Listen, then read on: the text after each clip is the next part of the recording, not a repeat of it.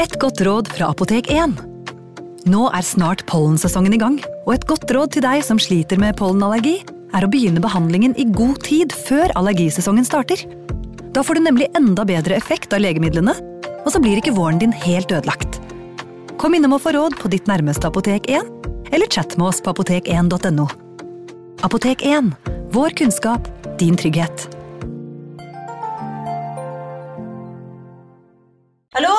Jeg kommer fra Oslo politikammer. Ine Jansen er purk. Er du purk? The motherfucking bitch. Alt jeg vil, er å finne ut hva som skjedde med mannen min. Jon Carew. Er jeg sikta for noe? Iben Akeli. Det er du. Ole So, Lars Berrum og Big Daddy Karsten. Hvem sin side er du på, egentlig? Anette Hoff, Tone Danielsen, Kommer du fra Afrika? Jørnis Josef, Nesten. Kløfta. Trond Espen Seim, Det er synd å si det, men det var feil mann som døde. Purk. Premiere tirsdag på TV2 Play. Hei! Takk for at du lytter til True Crime Podden dokumentar. Skulle du ønske at du kunne høre en ny episode av denne podkasten hver eneste uke? Vel, da er det bare å laste ned podkastappen Untold med en gang. I tillegg til ukentlige episoder av podkaster som Skrekkpodden, Synderne og True Crime Podden, får du masse annet reklamefritt og eksklusivt innhold. Last ned Untold i AppStore eller Google Play, og start din 30 dagers prøveperiode i dag. Det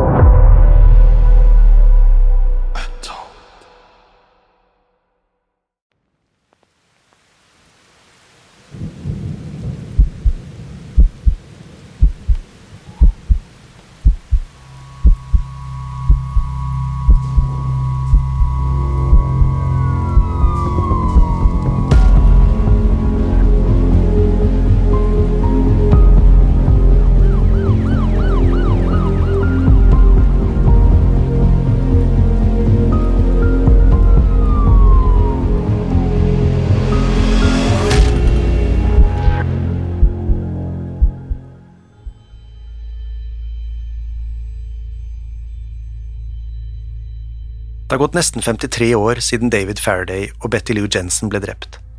Det unge paret var på sin første og siste date da de ble skutt ned av en kaldblodig morder. Dersom dette hadde vært et isolert drap, ville det antagelig ha blitt glemt med årene.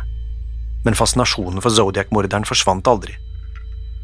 Han fulgte opp med ytterligere tre drap i løpet av et snaut år.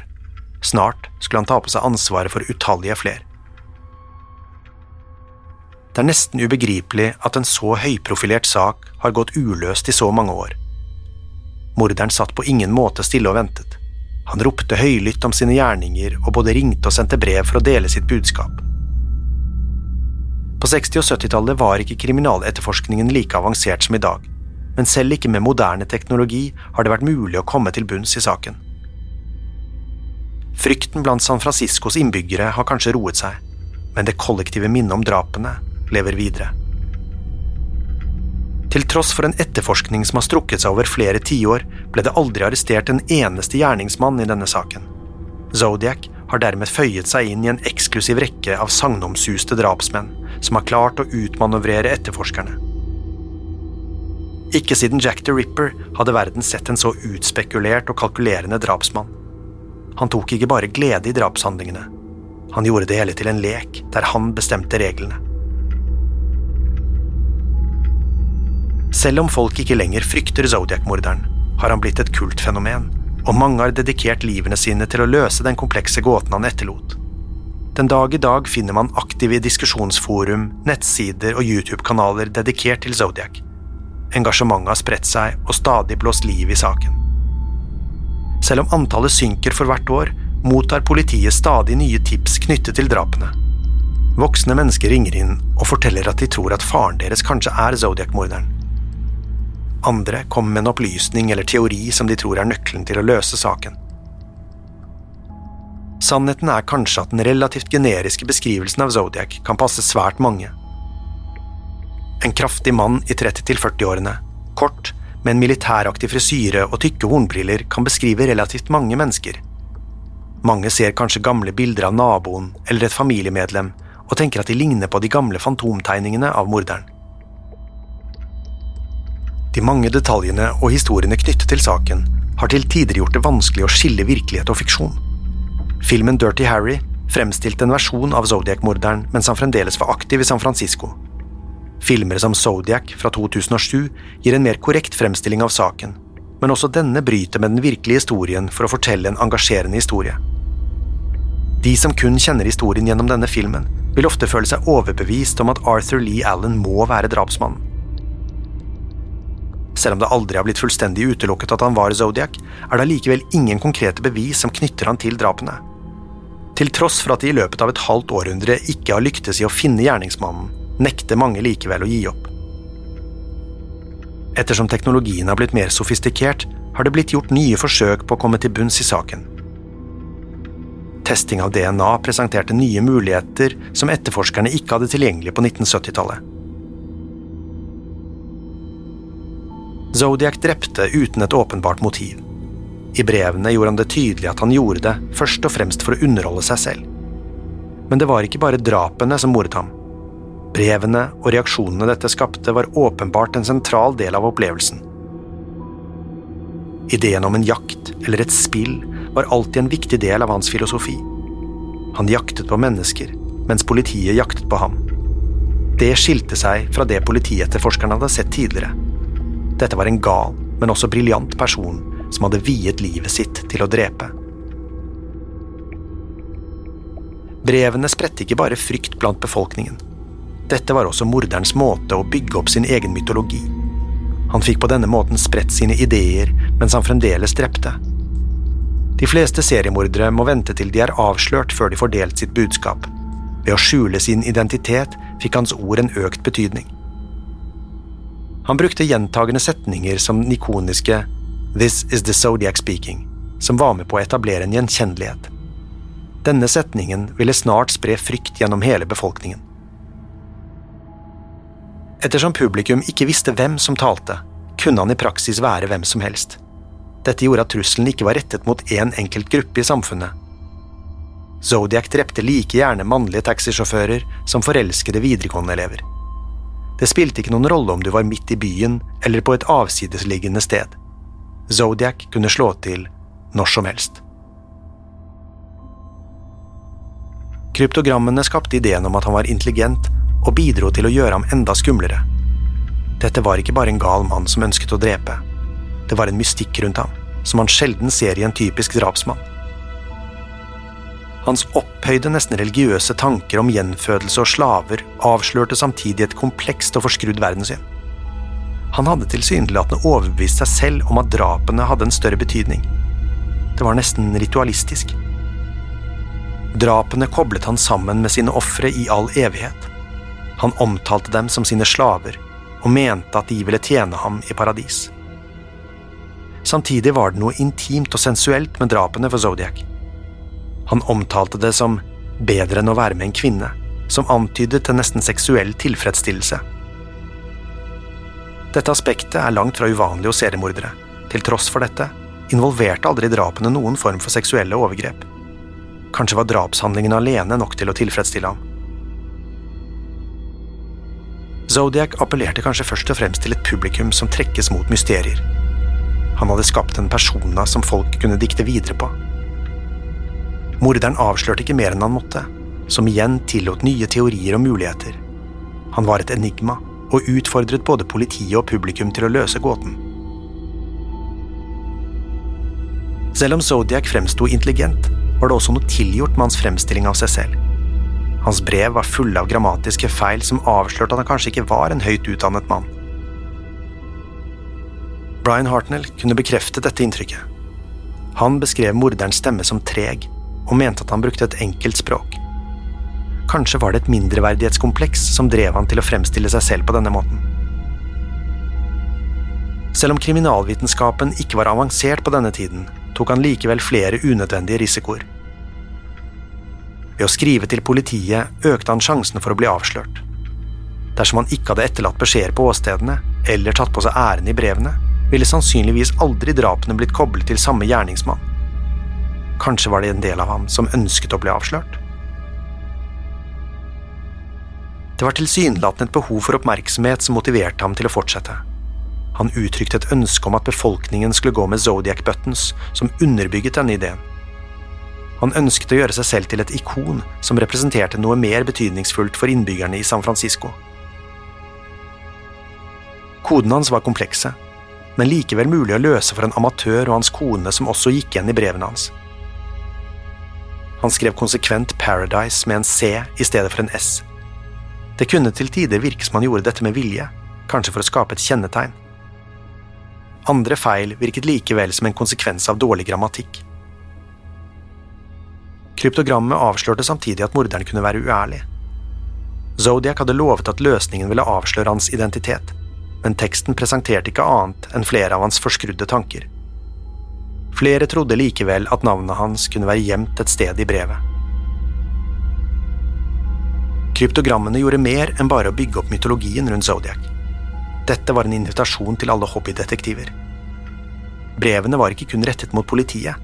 De ble sendt til ulike aviser med instrukser om å publisere dem på forsiden. Zodiac ville ikke at kun politiet skulle fundere på hvem han var. Han inviterte hele verden til å delta i jakten. Utallige mennesker hoppet inn i saken og deltok i kappløpet om hvem som først kunne avsløre Zodiac. I realiteten ville det riktignok være vanskelig for andre enn politiet å løse saken. Avisene var selektive med hva de publiserte, og holdt ofte tilbake sensitiv informasjon. Samtidig fant morderen det underholdende og iaktta politiet deres desperate etterforskning. Han kom stadig med ertende kommentarer og førte en poengsum som han inkluderte i brevene. For hvert drap ga han seg selv et nytt poeng, mens politiet ble stående på null. I hans siste brev var han oppe i 37 poeng. Politiet var usikre på om dette var et reelt tall, men kunne heller ikke utelukke at han hadde fortsatt å drepe. Til tross for den massive oppmerksomheten rundt saken dukket opp flere spørsmål enn svar. Dersom Zodiac hadde begynt å drepe utenfor San Francisco, og samtidig endret fremgangsmåte, ville det være umulig å holde styr på antall ofre. Ettersom han sluttet å ta æren for spesifikke drap, visste ikke politiet lenger hva de skulle tro. De håpet at han hadde sluttet å drepe, og at han kun moret seg med å skryte av andres drap, men det var umulig å bekrefte. Zodiac var bare offisielt knyttet til fem drap, men dette kunne i teorien bare være en brøkdel av hans totale ofre.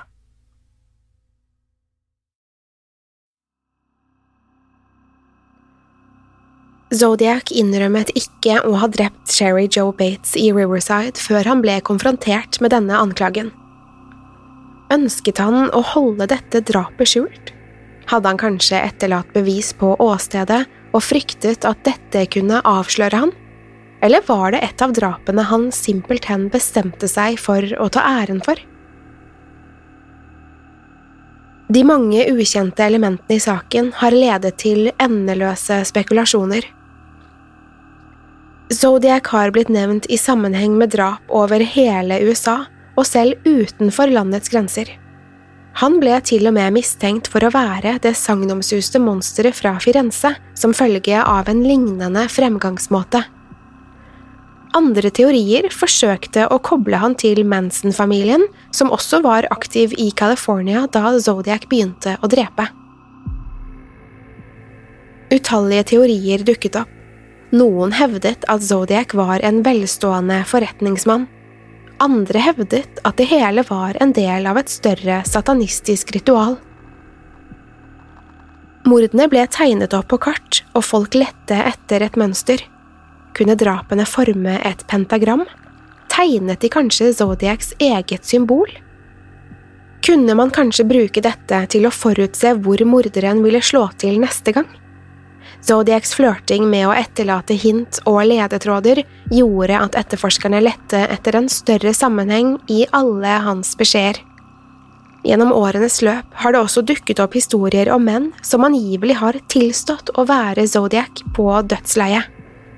Andre har stått frem med utrolige historier om hvorfor de er overbevist om at deres far eller bestefar var morderen. Felles for disse historiene er at det er lite eller minimalt med faktiske bevis. Utallige mistenkte ble sjekket opp og deretter frikjent i løpet av kort tid. Årevis etter at Zodiac tilsynelatende hadde pensjonert seg, ble det spekulert i om han snart ville drepe igjen. Særlig hvis ofrene var unge par på avsidesliggende steder, ble det foreslått at dette kunne være Zodiac sitt håndverk. Disse teoriene kom sjelden lenger enn nettdiskusjonsforumene. Mange av disse entusiastene innrømmet at det er lite trolig at de noen gang vil løse mysteriet. De trekker likevel frem signaleffekten av å holde Zodiac-drapene relevante. Det er kanskje på denne måten man har lykkes i å holde saken i medias søkelys. Dersom ikke disse gruppene hadde eksistert, ville Zodiac kanskje ha blitt glemt for mange år siden.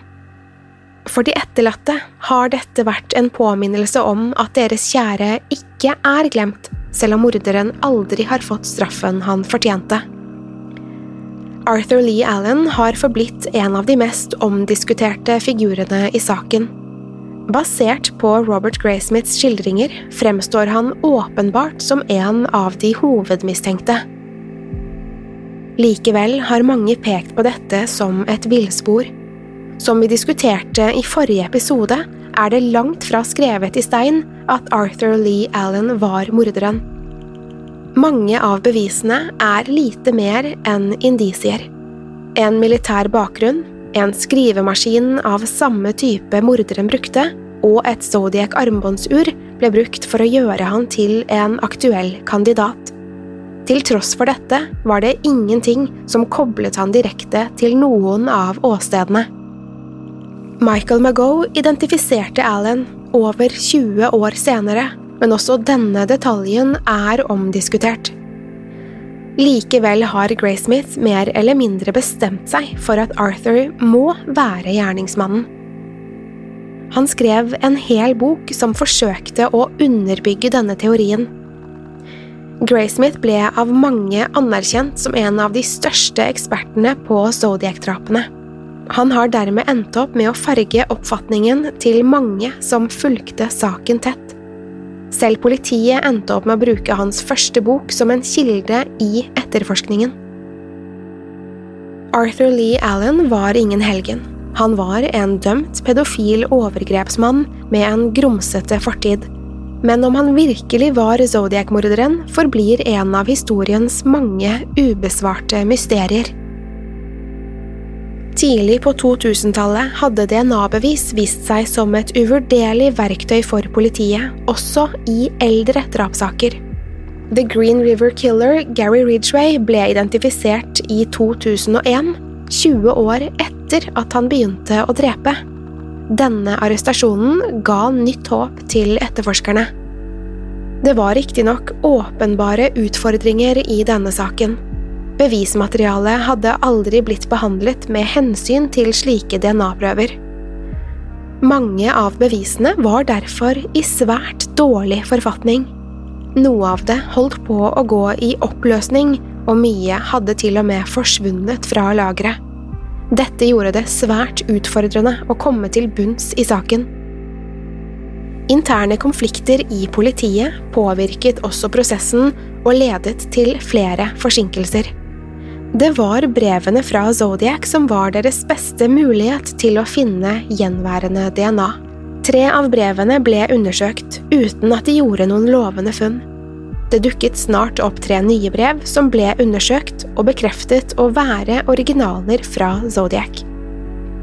Her fant de små mengder DNA som tillot videre testing. DNA-et ble sammenlignet med Arthur Lee Allen så vel som to andre menn som ble sett på som potensielle kandidater. Da resultatet kom inn, var det en umiddelbar skuffelse. Ingen av disse mennene var en match med DNA-et funnet på brevet. At de ikke fant Arthur Lee Allens DNA på brevet, var kanskje den største oppdagelsen. Dersom det virkelig var Zodiacs DNA de hadde oppdaget, kunne dette bety at Arthur ikke hadde vært involvert i drapene. Hele prosessen ble fulgt av et TV-team, og testene fikk derfor mye kritikk. Det hele ble vurdert som et desperat forsøk på å få seertall. DNA-et som ble oppdaget på brevet, var ikke tilstrekkelig til å konstruere en komplett DNA-profil. Det var derfor ikke mulig å bruke dette til å gjøre et større søk etter en gjerningsmann. Funnet ga dem nok informasjon til å utelukke de tre mistenkte, men mysteriet om Zodiacs identitet var fremdeles vidåpent. Alle var likevel ikke tilfredsstilt av resultatene. Det var tross alt ingen garanti for at det var Zodiac som hadde slikket på flymerkene. Etterforskningen ble likevel stanset før ytterligere tester kunne bli utført. DNA-testing var fremdeles kostbart og tidkrevende på denne tiden, og det ble bestemt at politiet heller skulle prioritere aktive etterforskninger.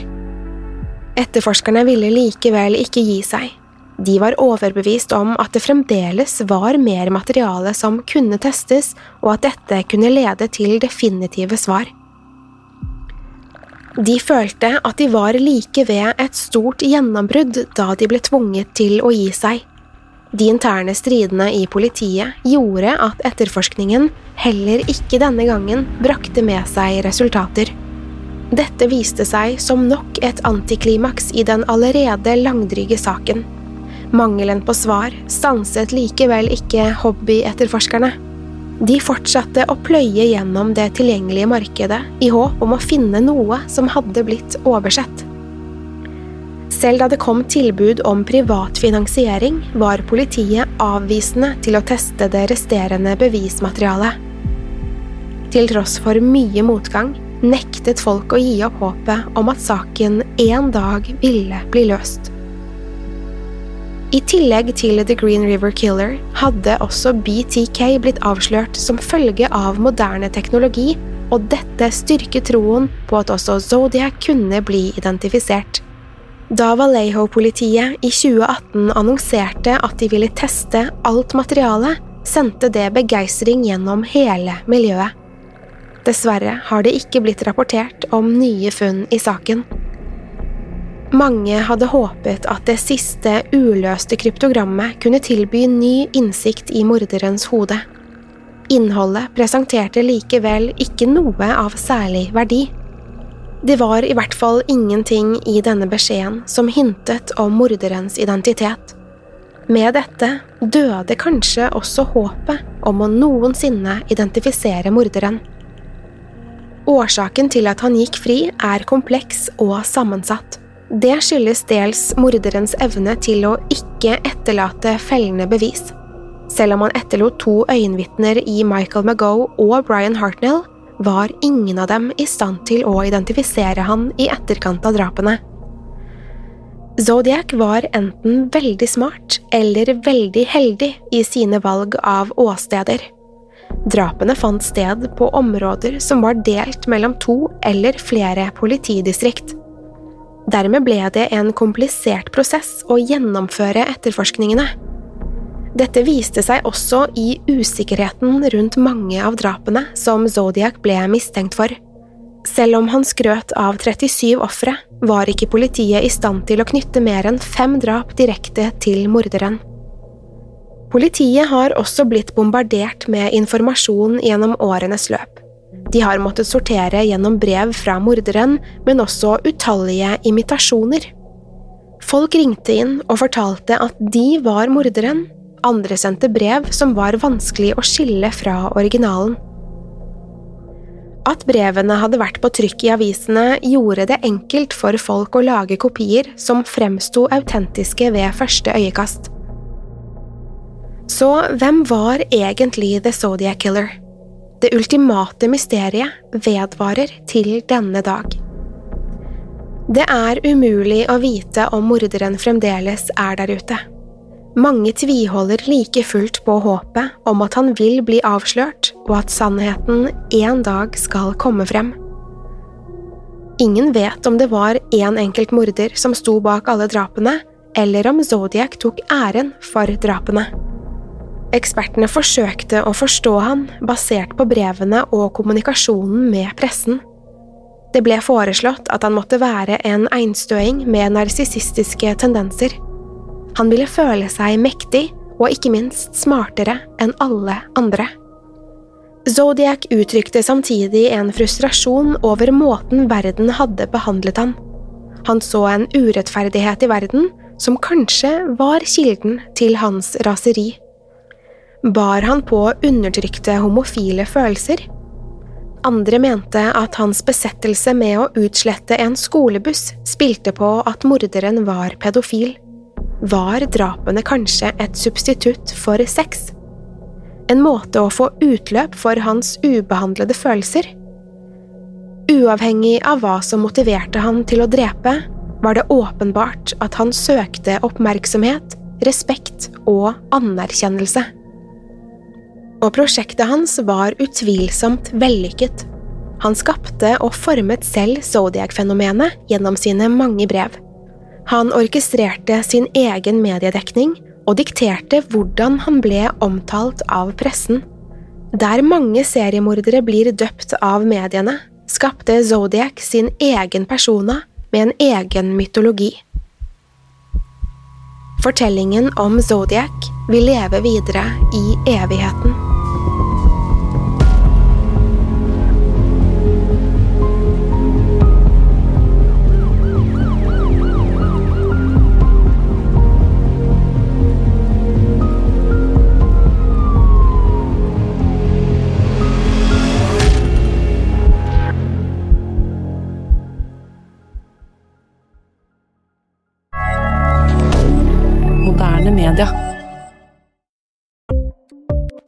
Ukens annonsør er Folio, en smartere banktjeneste for deg som har en egen bedrift eller ønsker å starte for deg selv. Folio er en superenkel nettbank for bedrifter. Som kunde i Folio får du en bedriftskonto med et bedriftskort og app. I denne appen er det smarte løsninger som forenkler regnskapet ditt, uansett om du har en liten bedrift eller et enkeltpersonsforetak. Folio er både intuitivt og brukervennlig, og er laget med et enkelt språk. I tillegg tilbyr de forutsigbare priser og ingen skjulte gebyrer. Skulle du likevel trenge det, så kan du snakke med deres raske og hyggelige kundeservice, og der får du prate med en faktisk person og ikke en chatbot. Folio er med andre ord både enklere og koseligere enn banken. Over 10 000 bedrifter har allerede valgt Folio som sin banktjeneste, så besøk folio.no og se hvordan Folio kan forenkle din hverdag også. Har du et enkeltpersonforetak eller en liten bedrift? Da er du sikkert lei av å høre meg snakke om hvor enkelt det er med kvitteringer og bilag i fiken, så vi eh, gir oss her, vi. Fordi vi liker enkelt. Fiken superenkelt regnskap. Kiwi er billigst i VGs matbørs og har vært billigst i fire av de fem siste VGs matbørser. Og nå presser vi prisene på frukt og grønnsaker. På 200 gram broccolini setter vi prisen til 24,90.